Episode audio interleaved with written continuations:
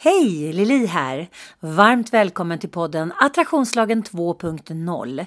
Om du vill lyssna på avsnittet i dess helhet så bli en Patreon från 35 kronor och uppåt varje månad. Förutom att du får tillgång till hela avsnittet redan som bronsmedlem så får du också ett reklamfritt bonusavsnitt varje månad. Jag hoppas verkligen att du tycker att podden är så spännande så att du kan tänka dig att bli en Patreon du med.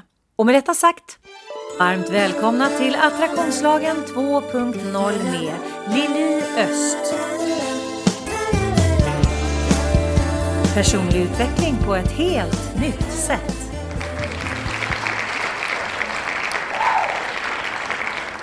Varmt välkomna till Attraktionslagen 2.0. Det är Lili som sitter, faktiskt för den här gången, för sista gången bakom mikrofonen. Och idag så sitter jag i mitt kök tillsammans med en otroligt kär väninna som också, precis som jag, jobbar med personlig utveckling, nämligen Pa Neumüller. Och det här känns så stort! Ja. Det här är historiskt. Det är historiskt. Ja. Och det är så fantastiskt att du kunde vara med Ja. i mitt sista avsnitt på. För att vi har ju faktiskt pratat om det ganska länge. Eh, Jag har ju försökt att få med dig i podden i kanske ett par år. Ja. Eh, Men ditt Sjukt. gamla jobb gjorde att inte det var en möjlighet. Och nu är det en möjlighet. Och det är så bra timing. Ja, Det känns som det är meningen att få vara med i den här sista Mm. skälvande minuterna av din poddverksamhet. Det känns ju som att det finns... Ja, det, det, det känns stort. Jag är lite rörd faktiskt att Ja, jag sitter här. fina. Det är jag också. Jag är väldigt, väldigt glad över att vi liksom synkade ihop Ja. det. Och alltså, vi ska prata idag om just den här grejen att faktiskt våga ta ett steg rakt ut i I don't know. För att eh, jag eh, peggade upp för det eh, redan förra avsnittet när jag gjorde någon typ av tack och hej avsnitt eh, eh, när jag berättade för mina lyssnare att jag faktiskt ska lägga ner podden. Och den ska läggas ner i den kontexten att jag inte gör fler avsnitt. Men de 200 med det här avsnittet som redan är gjorda, de kommer ju självklart fortfarande ligga på nätet att lyssnas på. Ja.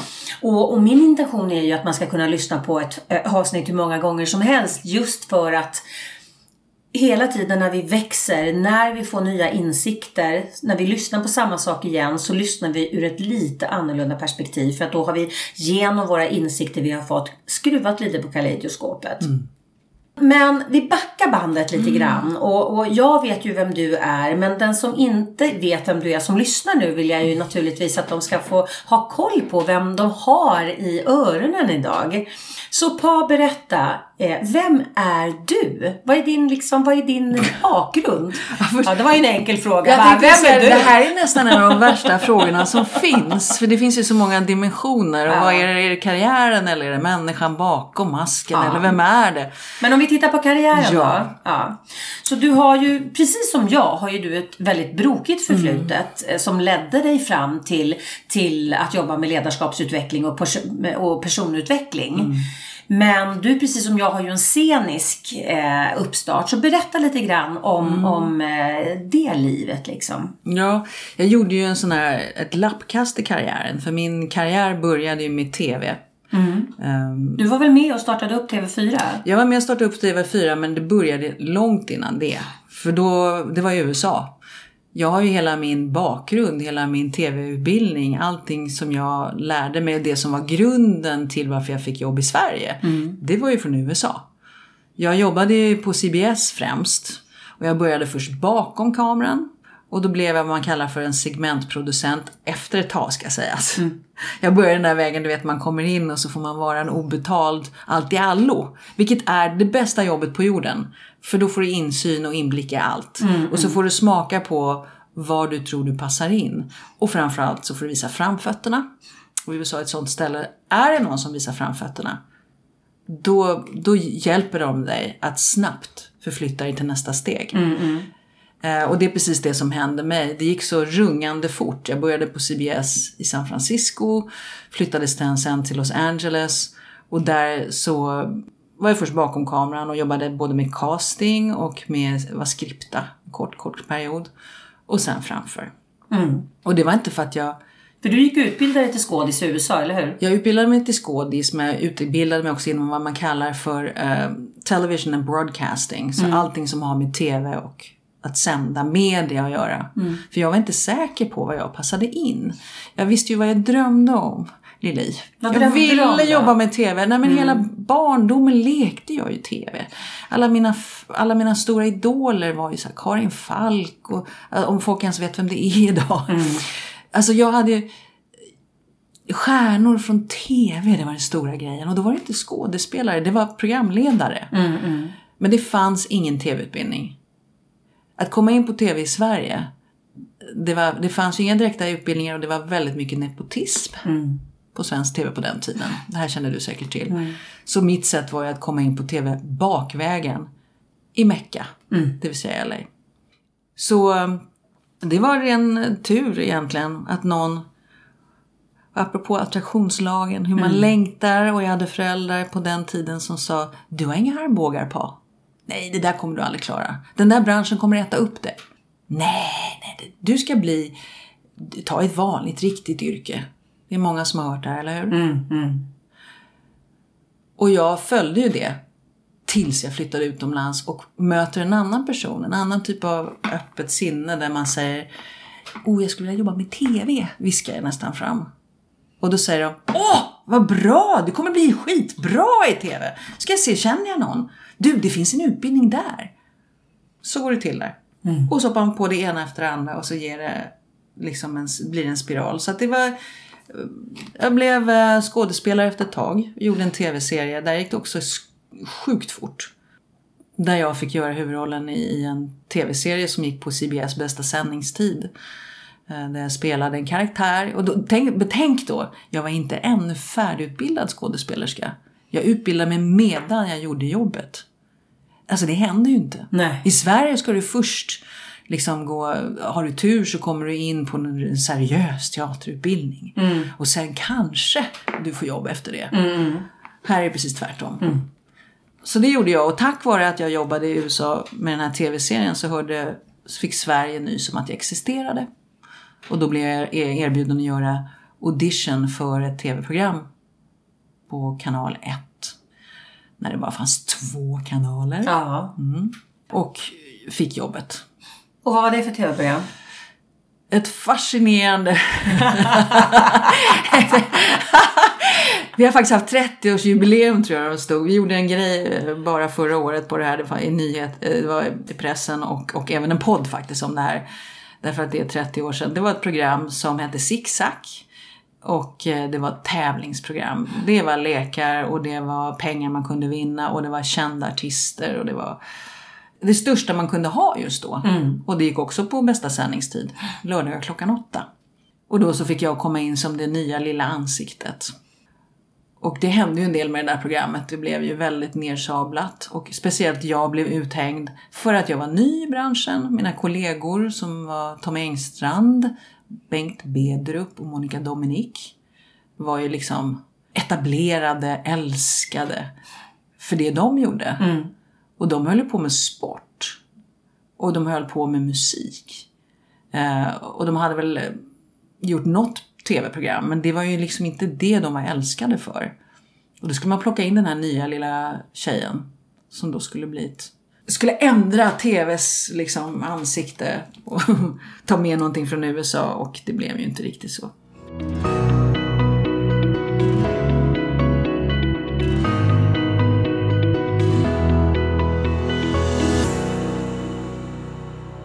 Och under, eller innan vi ens har börjat Zigzag så blev jag tillfrågad om jag ville vara med och starta fyran.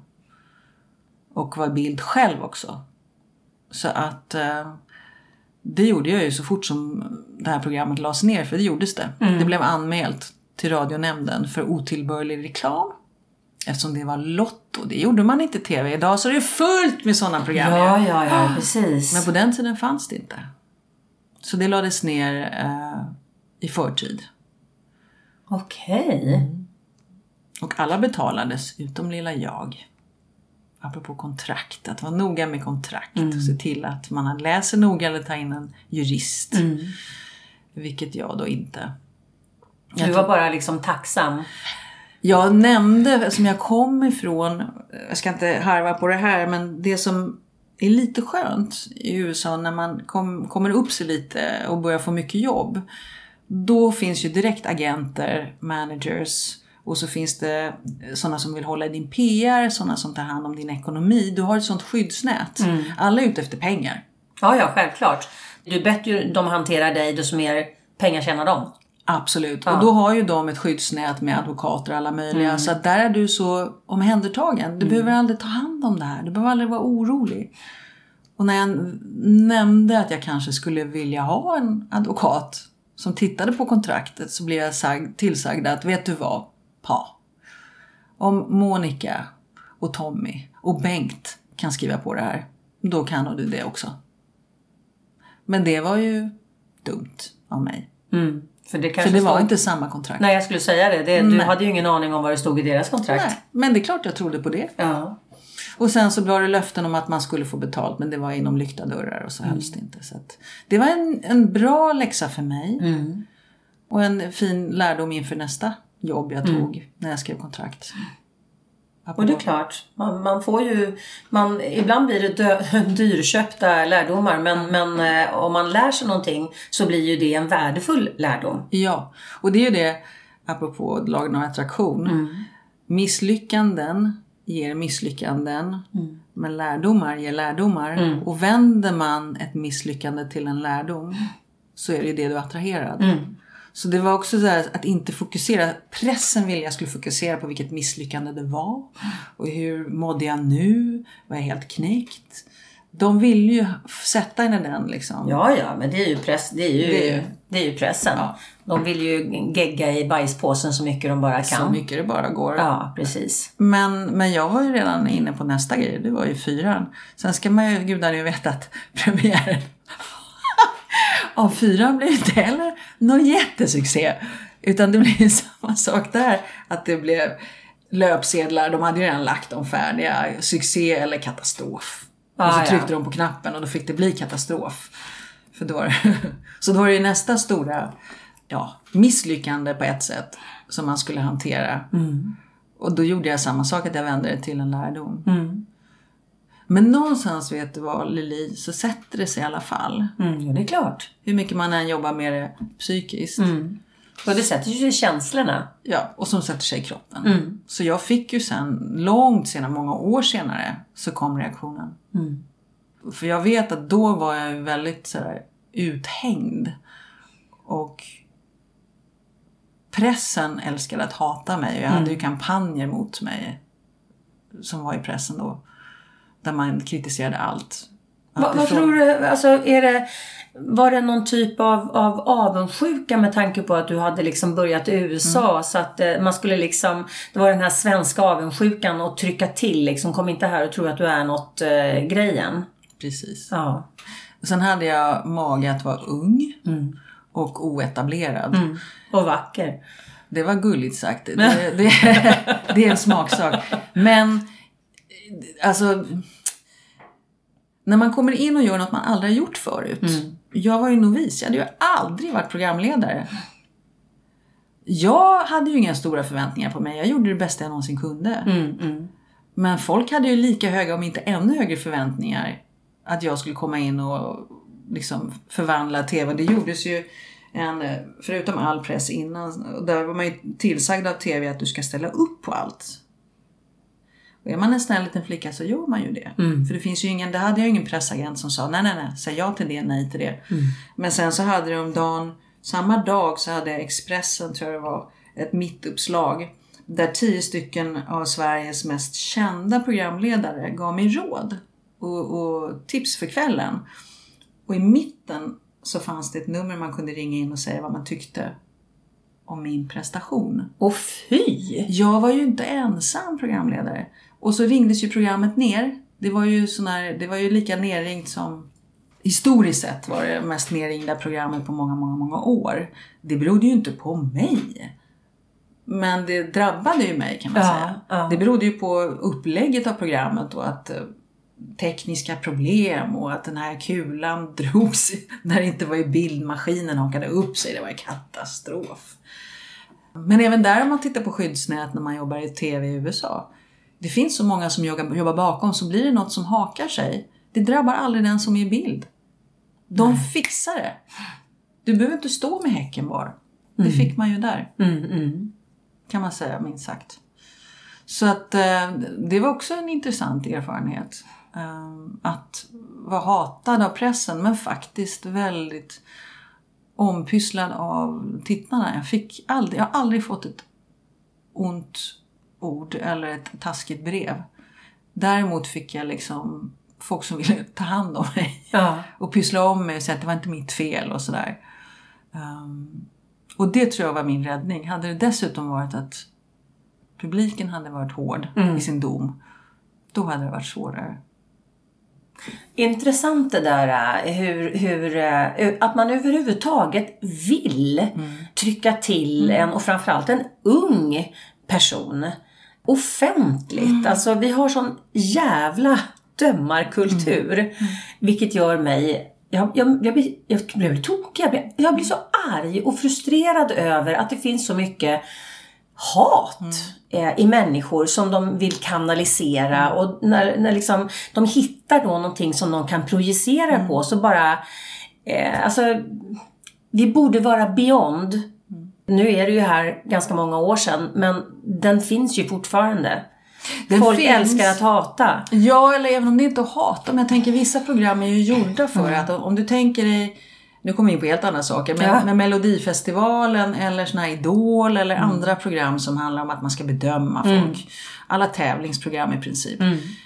Där är det ju kommer få och där ska man ju sitta och åsikter om allt ifrån hur de ser ut till vad de säger till hur de beter sig. Och det är fritt fram.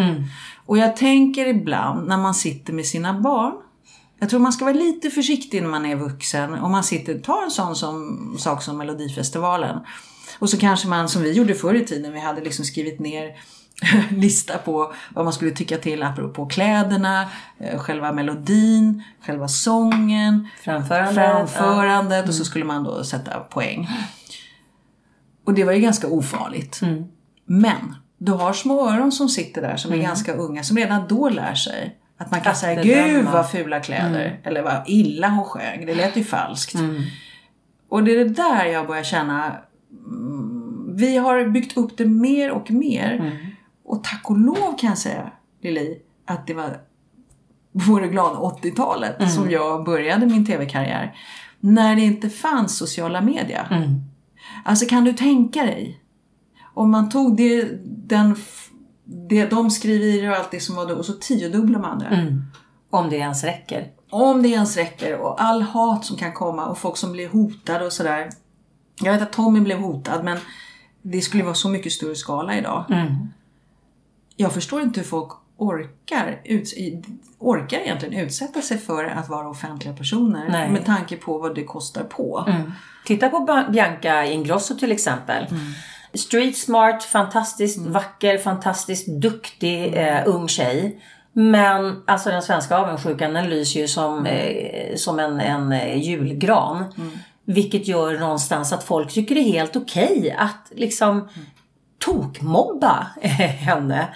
Eh, alltså det är ju inte okej känner jag. Nu hamnar vi på ett riktigt sidospår. Ja, vi är inte alls inne på eh, lagarna. Jo, det är Jo, vi. det är vi faktiskt. Visst. Ja. För sitter man och kritiserar och attraherar att tycka illa om och döma någon annan så kan man ge sig fasen på att du kommer bli bedömd själv. Ja, grejen är ju att du blir, låg, ja, du blir ju lågfrekvent. För Ja. att när vi sitter, när vi har fokus på hat, när vi har fokus på, på eh, avundsjuka, svartsjuka, missunnsamhet och så vidare. Det är otroligt lågfrekventa känslor. Så att om vi har fokus på det, då är det våran sändande magnet. Och det är lågfrekvent. Och på en låg frekvens drar vi till oss mer av det som liknar. Vilket betyder att du, om du sitter och har fokus på, på lågfrekventa grejer eh, så har, du får inga högfrekventa resultat. För att så funkar attraktionslagen och så funkar biofältet utanför oss själva. Hela vårt universum är eh, byggt i olika frekvenslager. Ja. Precis som ettan och fyran eller fyran och, och, och kanal plus eller så vidare. Du kan, inte, du kan liksom inte sätta på, du kan inte trycka på fjärrkontrollen där fyran ligger och hoppas att kanal plus ska slida in för den ligger inte på den frekvensen och sänder. Det ligger inte på det bandet och sänder. Nej. Och det är ju precis på samma sätt med våra tankar och våra, våra känslor och vårt fokus. Och det får mig osökt att göra ett lappkast. Ja, det är dags för in, det. i, in Vad bra. i, i, i nästa steg i vårt samtal. För att du bytte ju obviously yrkesriktning. Ja.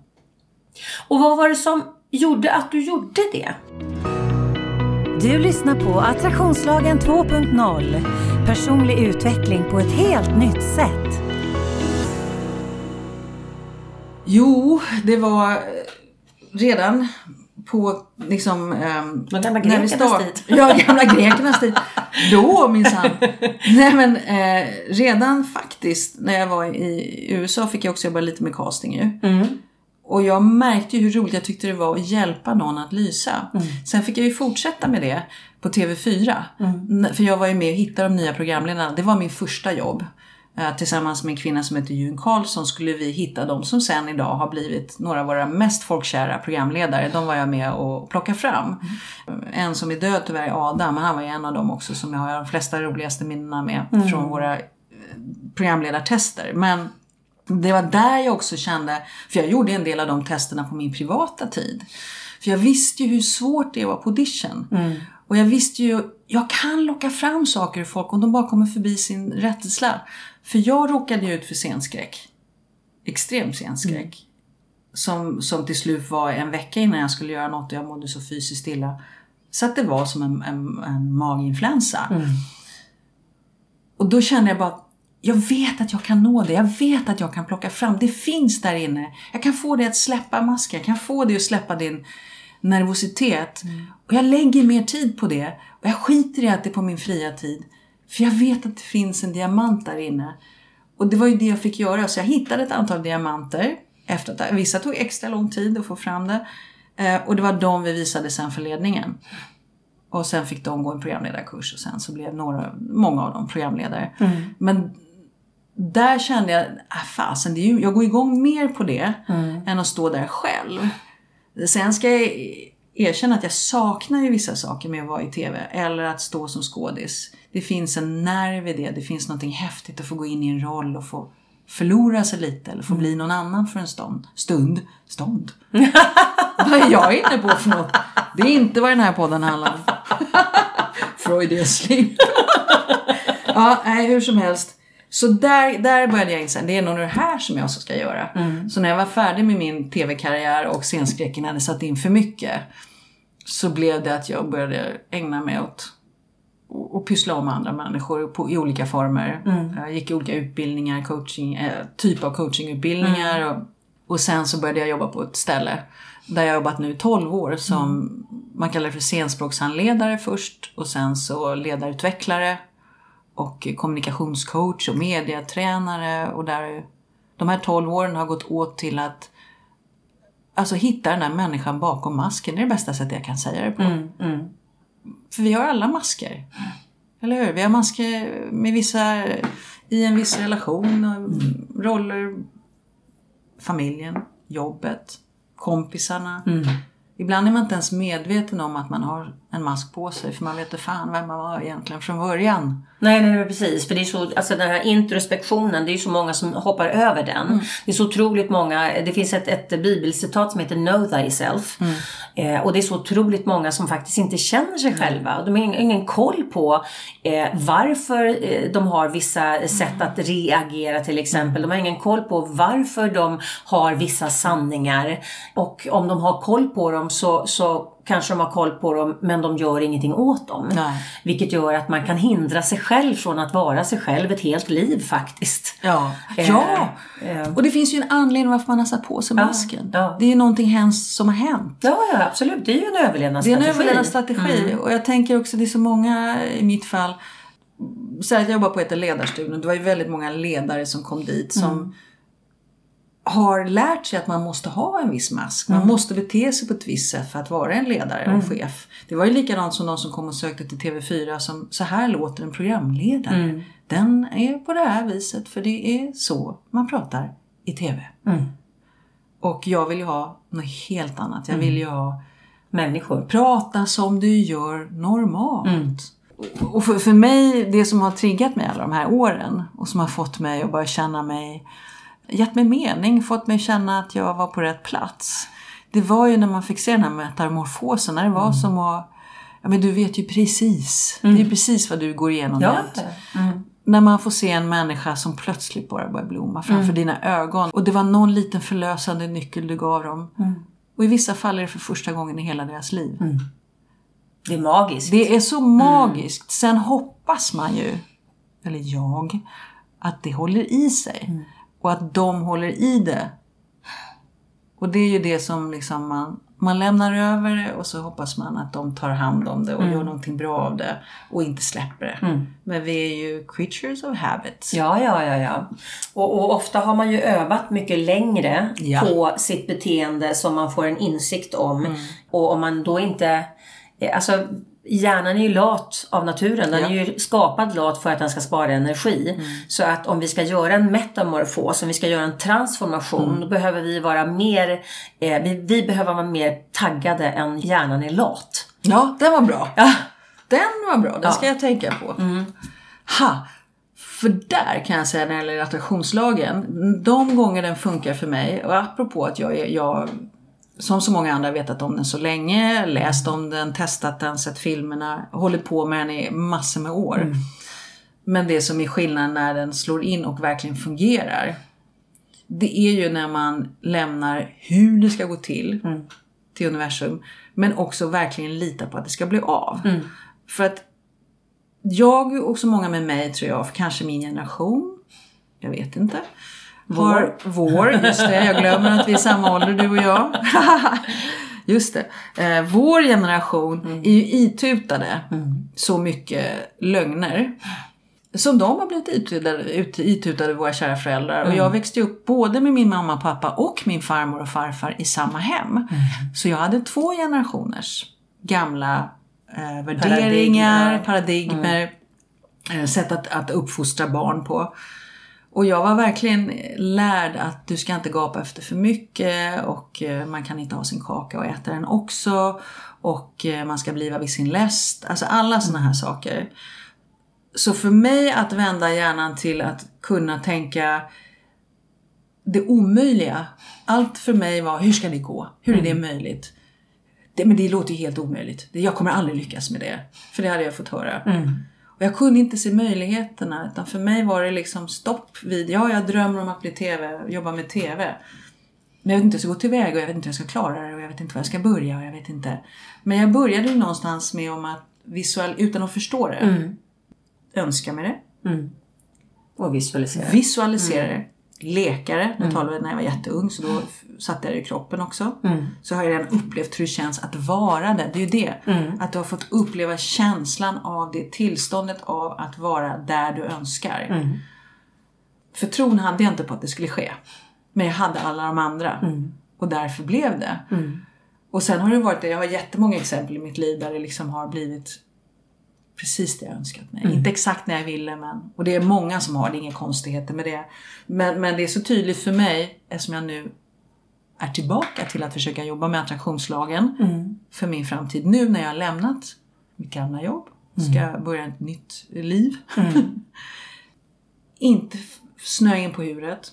Inte låta mig stoppas av alla mina men det går väl inte eller är för gammal eller Det- Dina gamla... Eh, monster i garderoben. ja, precis. För det är, ju, det är ju ett program som kör igång. Jajamän. Och det intressanta är hur det bara går igång reptilsnabbt. Oh ja, men det är ju bara för att det sitter ju liksom, det är Ja. implementerat i ryggraden. Det är ju ett paradigm. Ja. Och det här som är så intressant, innan vi körde igång, eh, vi satt ju och snackade en stund du och jag. Var, nu, vi skulle egentligen ha firat nyår tillsammans men du Ja. lyckades ju få... Jag fick eh, covid. Du fick covid Ja. eh, innan nyår och jag fick det precis efter tolvslaget.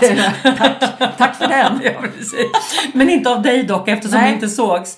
Men, men så vi Nej, hade lite catching up. Ja precis. Ja men herregud. Jag, har ju, jag lyckades ju smitta Annika, min väninna som var här på nyår då. då så att eh, det är ju vad det är, tänker jag. Men vi satt i alla fall och catchade upp lite grann. Och då sa du en grej som var så intressant tycker jag.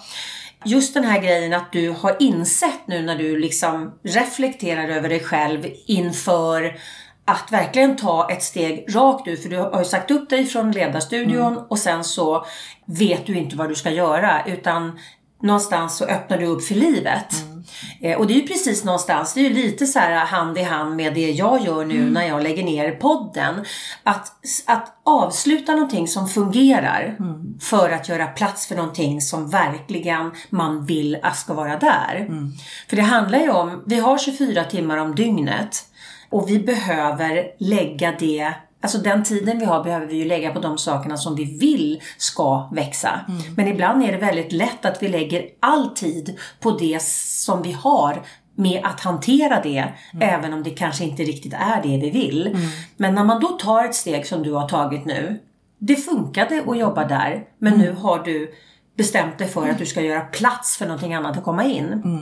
Och då sa ju du att du helt plötsligt har insett att inget av det du har gjort egentligen, förutom det att du lekte TV när du var liten, men alla de här sakerna som har hänt dig i ditt liv har varit någon som har kommit med en propå Ja.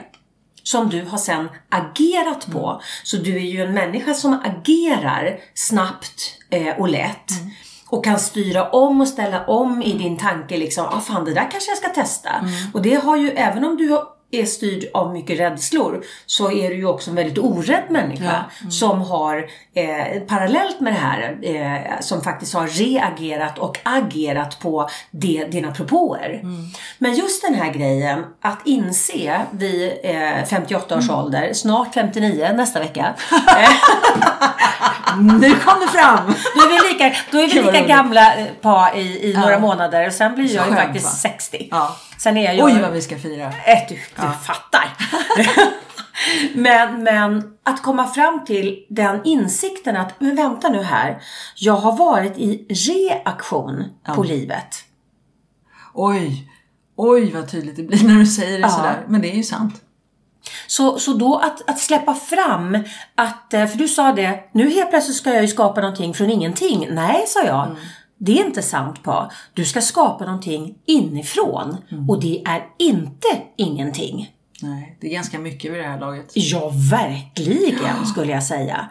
Men, men alltså, jag tror att jättemånga människor kan känna igen sig i att de har levt, eller de lever i reaktion på livet.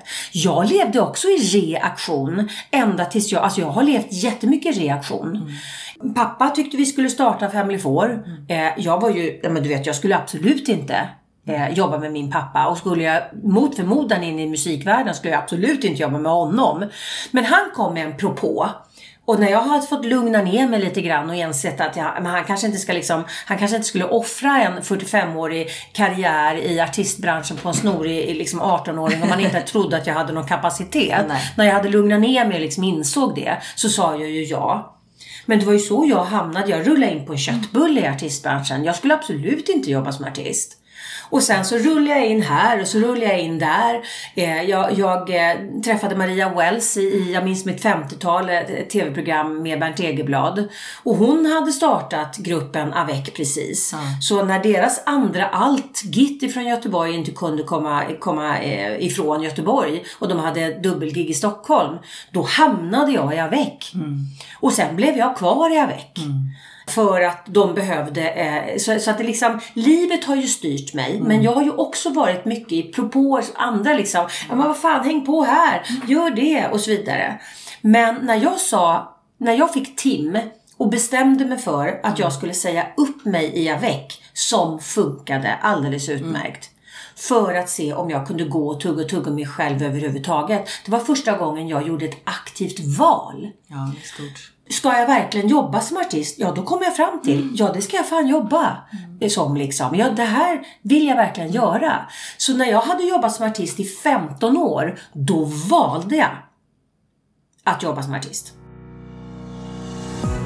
På min hemsida liliost.se hittar du massor av matnyttig information både för dig som privatperson såväl som för er som företag.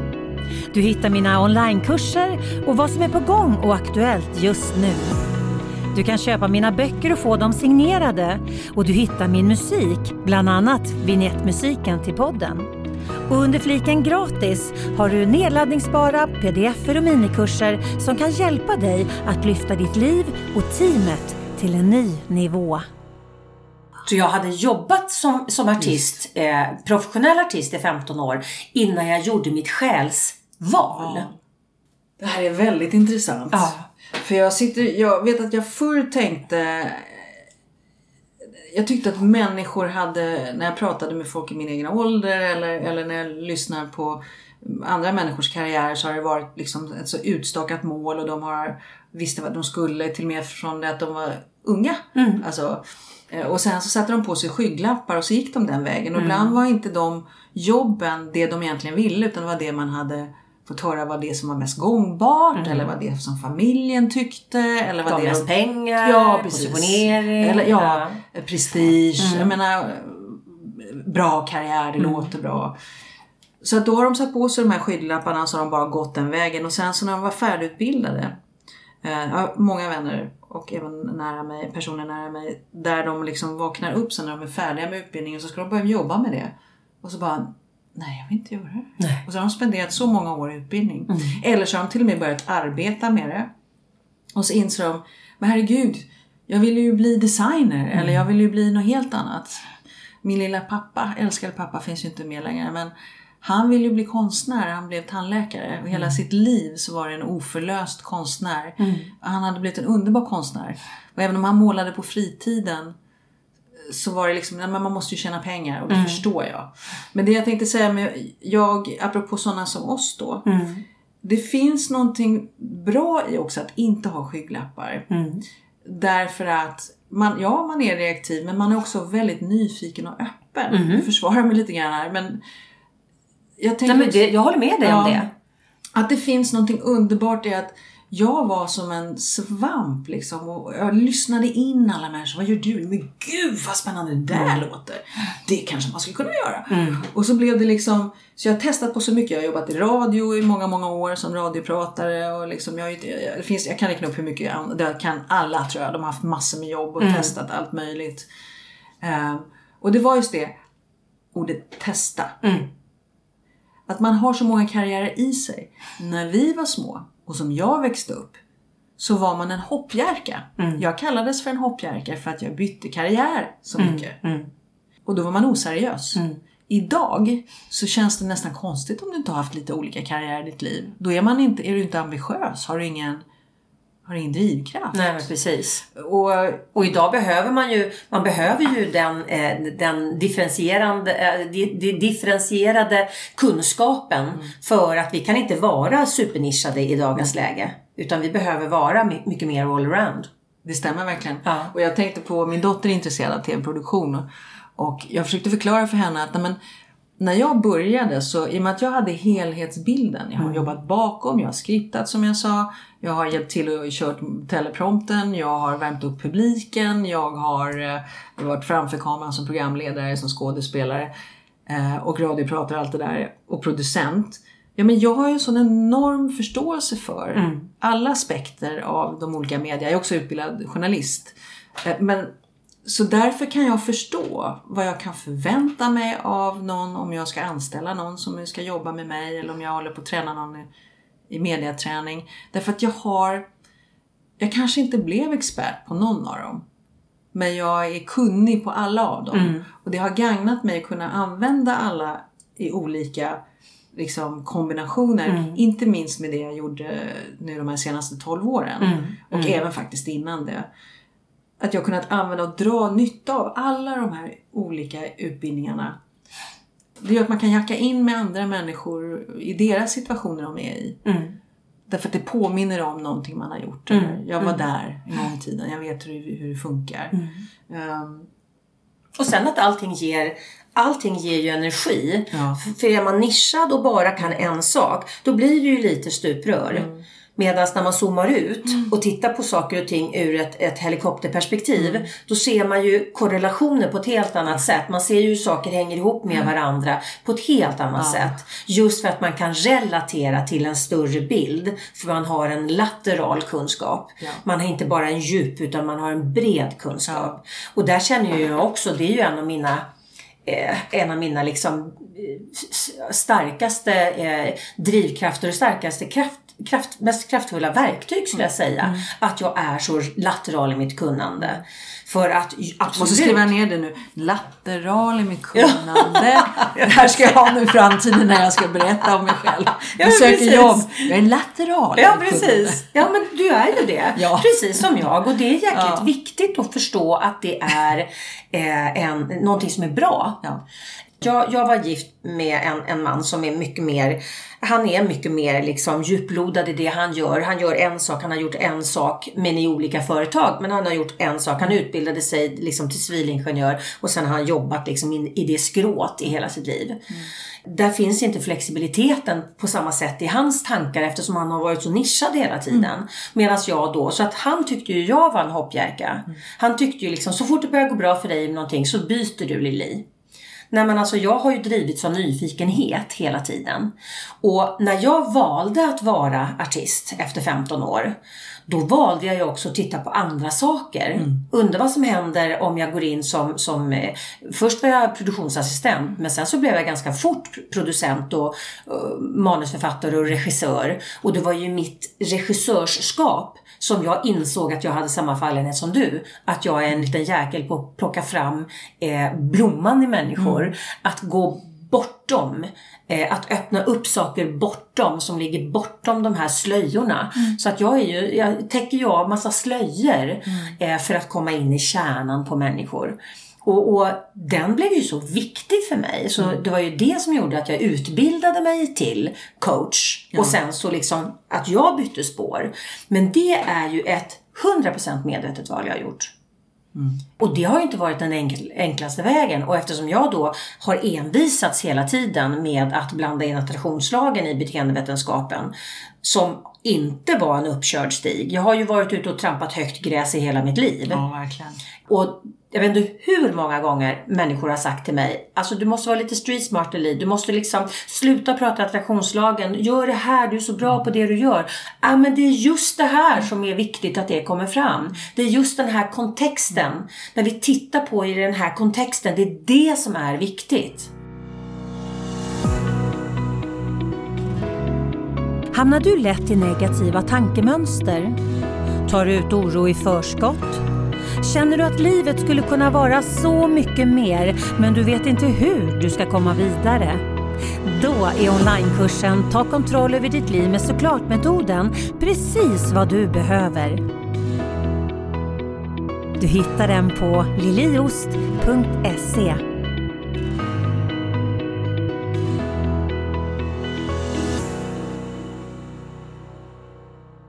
det har ju visat sig att det har tagit lång tid för mig att komma dit jag är idag. Men jag har behövt de här åren för att de, under de här åren så skulle jag fördjupa mig och jobba lateralt med min utbildning för att jag skulle kunna zooma ut och tolka en ännu större bild. Och det jag gör idag, det är ju på grund av, eller tack vare, att jag inte har låtit mig styras av andra människors mindre snävare tankesätt. För jag har sett någonting som de inte hade sett innan. Och det är fantastiskt att du har haft det här tålamodet och den här uthålligheten. Men jag tänker att det är nog med dig som med mig. Alltså jag har ju aldrig jobbat så länge på något ställe som jag har gjort nu. För det ligger i min natur att vilja byta. Så att det här är ju... Jag hade säkert slutat efter tre år liksom. Eh, Men det som har gjort min uthållighet och som jag tror är samma sak med din, det är för att man hittar någonting som är så det är så intressant och så givande och det är som en liksom, det ändrar sig. Det finns inte en dag, inte en sekund, inte en person som är lik den andra. Det blir aldrig tråkigt. Nej. Och det blir hela tiden nytt och spännande och det är en, det är en upptäcktsfärd man är, man är med på tillsammans. Liksom. Man går ju hand i hand längs den. Och det, jag tror du också kan känna det när man har de här olika, vi har olika verktyg vi använder. eh, Men vi når ju samma mål.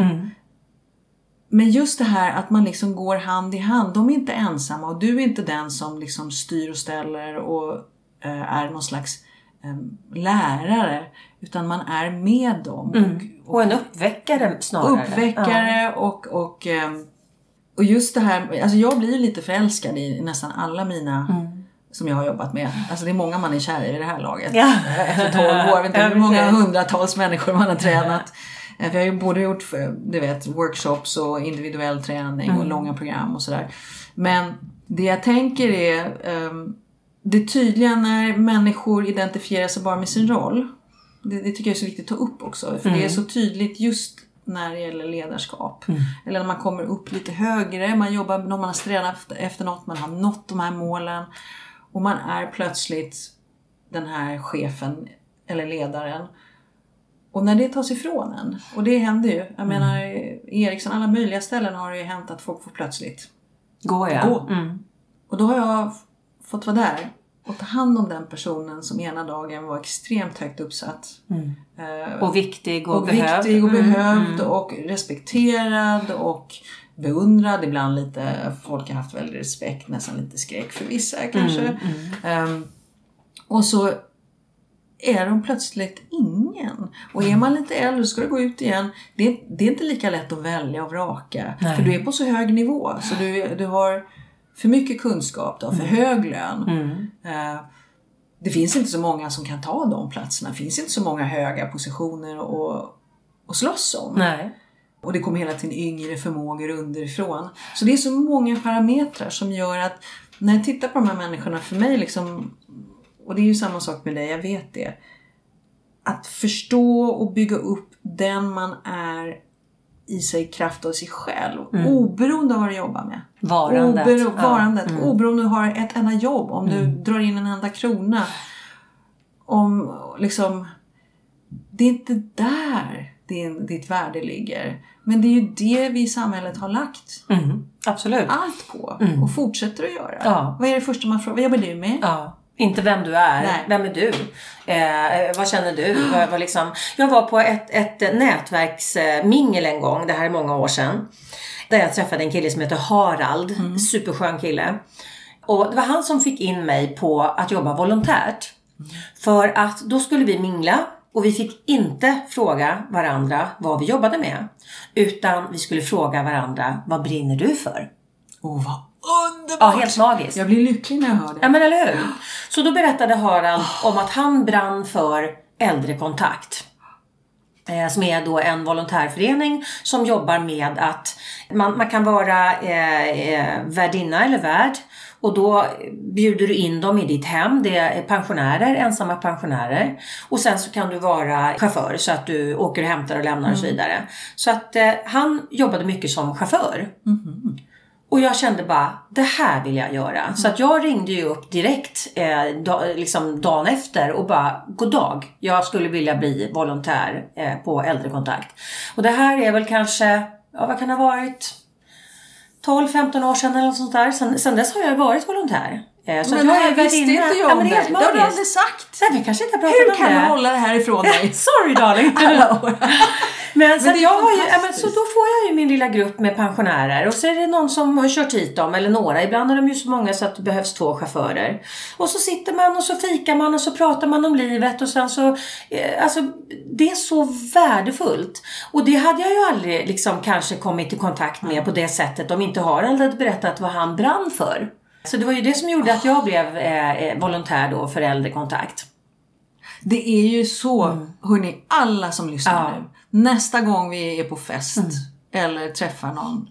Låt oss säga så istället för, Ja. vad, vad istället för vad jobbar du med? Ja, för det handlar ju väldigt mycket om, och när jag gick in i väggen själv så eh, Dels så var det det och dels så var det också att jag ett års efter det eh, skilde mig från, från min första man. Men just den här grejen att om jag inte är Lili Öst artisten, Vem vem är jag då? För jag hård identifierar mig med vad jag gjorde. För att, att jobba som artist är ju en livsstil. Att jobba som revisor kanske inte är en livsstil på samma sätt. Eller så är det det. I don't know, för jag har aldrig jobbat som revisor. Men när man jobbar inom kreativt skrå så är det väldigt mycket den man är 24-7.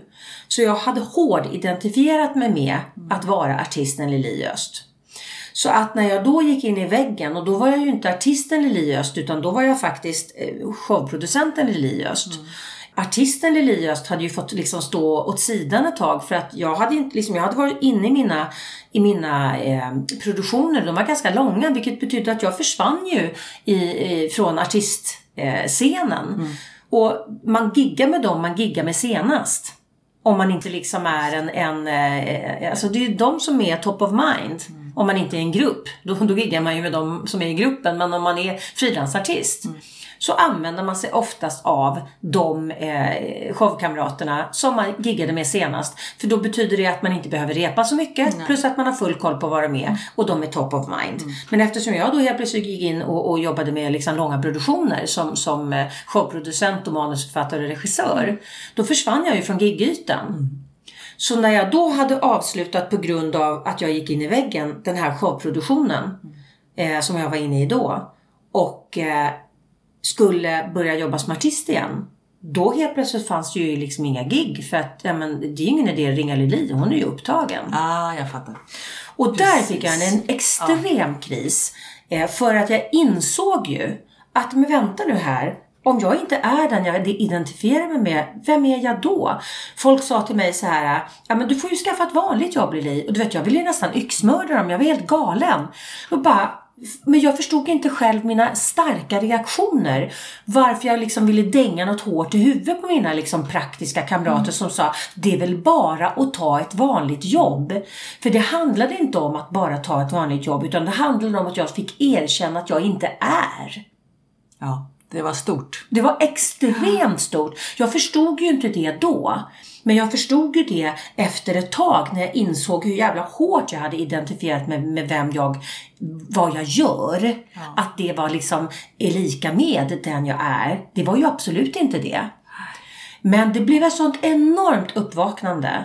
Och därifrån började jag ju jobba med mig själv. Och sen så, eh, så var det ju liksom, när jag jobbade med mig själv och insåg då att, att, att jag inte dög att vara Lili Öst hemma heller.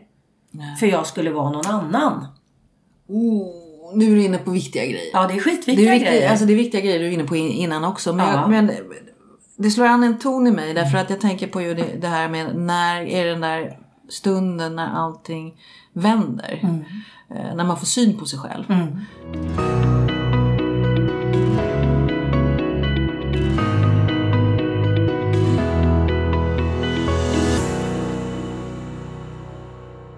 Vad härligt att du är här och har lyssnat på den korta versionen av veckans avsnitt.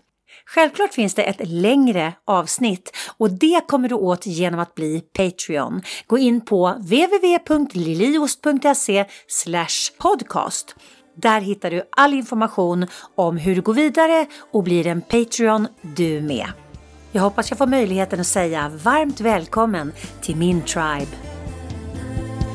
Tänk efter lite grann hur har du det omkring dig nu? Är du nöjd? Är du nöjd med det du har? Var är du i ditt liv? Har du funderat på att ta ett annorlunda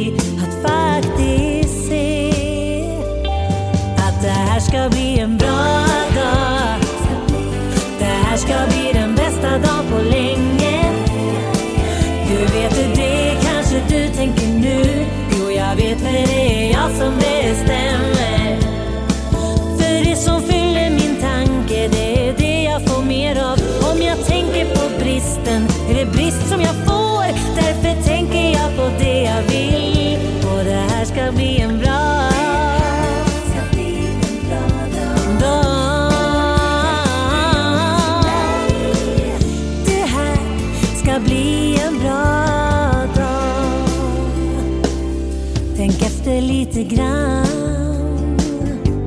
Vad är det som du tänker på